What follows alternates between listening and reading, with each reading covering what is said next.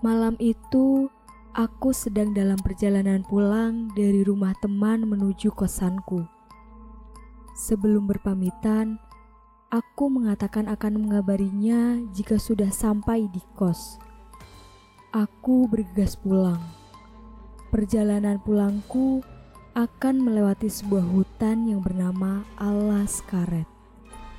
Alas Karet adalah perkebunan karet milik perusahaan besar di kotaku. Banyak cerita mistis seputar alas karet ini yang kudengar dari beberapa orang. Mulai dari pembantaian di masa lalu sampai ke penampakan hantu yang biasa muncul di tempat ini pada malam hari. Menurut cerita yang beredar, alas karet ini dulunya adalah tempat penyiksaan bagi tawanan perang pada masa Perang Dunia. Mereka yang menjadi tawanan perang akan disiksa, bahkan dikubur hidup-hidup di hutan ini. Hal ini semakin membuat ngeri karena di sekitar alas karet terdapat kuburan yang entah milik siapa dan dikeramatkan, serta sosok perempuan berbaju merah yang biasa menampakkan diri di hutan ini. Sebenarnya ada jalan lain menuju kos yang lebih aman dan tentunya tidak mengerikan. Namun, jalan tersebut lebih jauh dan tentunya membutuhkan waktu yang lama.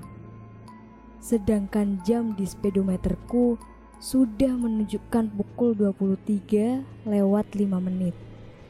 Akhirnya, aku pun memberanikan diri dan memutuskan untuk melewati jalur terdekat, yang akhirnya aku melewati alas karet.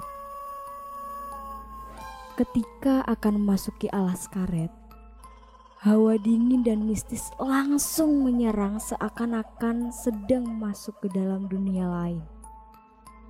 Aku memacu motorku dengan kecepatan 70 km per jam, berharap agar cepat keluar dari hutan ini. Suasana yang sepi dan gelap benar-benar membuat mentalku diuji.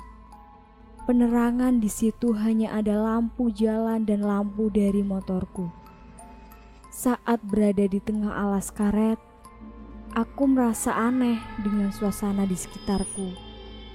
Saat awal memasuki hutan ini, terdapat banyak truk yang melintas. Namun, setelah itu menjadi sepi dan tinggal diriku sendiri. Tiba-tiba, motorku terasa berat, seperti ada sesuatu yang salah. Aku pun berhenti, tepat di bawah lampu jalan untuk memeriksa. Tetapi, ternyata tak ada yang aneh. Semua normal saja dan aku pun langsung melanjutkan perjalanan. Namun, saat akan melanjutkan perjalanan, tiba-tiba sekilas terlihat dari spion ada kain merah yang melintas di belakangku. Aku pun langsung tancap gas dengan panik hingga terjatuh. Aku yang terbaring di jalan mendengar suara tawa perempuan yang mengerikan, seakan menertawakan apa yang terjadi padaku. Ku baca semua doa yang pernah aku pelajari, berharap agar suara tawa itu cepat pergi dan tidak menggangguku. Setelah beberapa saat aku terbaring, terlihat sorot lampu truk pembawa pasir yang kemudian menepi. Terlihat sopir truk dan kernet yang turun dan langsung membantuku untuk berdiri. Mereka mengatakan padaku bahwa jalur ini memang angker. Di sini juga sering terjadi kecelakaan yang disebabkan oleh gangguan makhluk halus penghuni hutan ini. Sopir itu menawarkan kepadaku untuk jalan beriringan sampai keluar dari alas karet.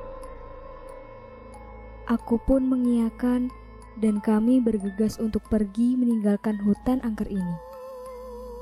Setelah keluar dari alas karet, aku mengucapkan terima kasih kepada sopir dan kernet yang sudah membantuku tadi. Setelah itu, aku melanjutkan perjalanan menuju kosanku. Sesampainya di kosan, aku terkejut melihat banyak notifikasi pesan dan panggilan dari temanku. Jam di handphoneku menunjukkan pukul 3 dini hari. Berarti selama berjam-jam aku berada di alas karet sampai akhirnya aku bertemu dengan sopir truk tadi.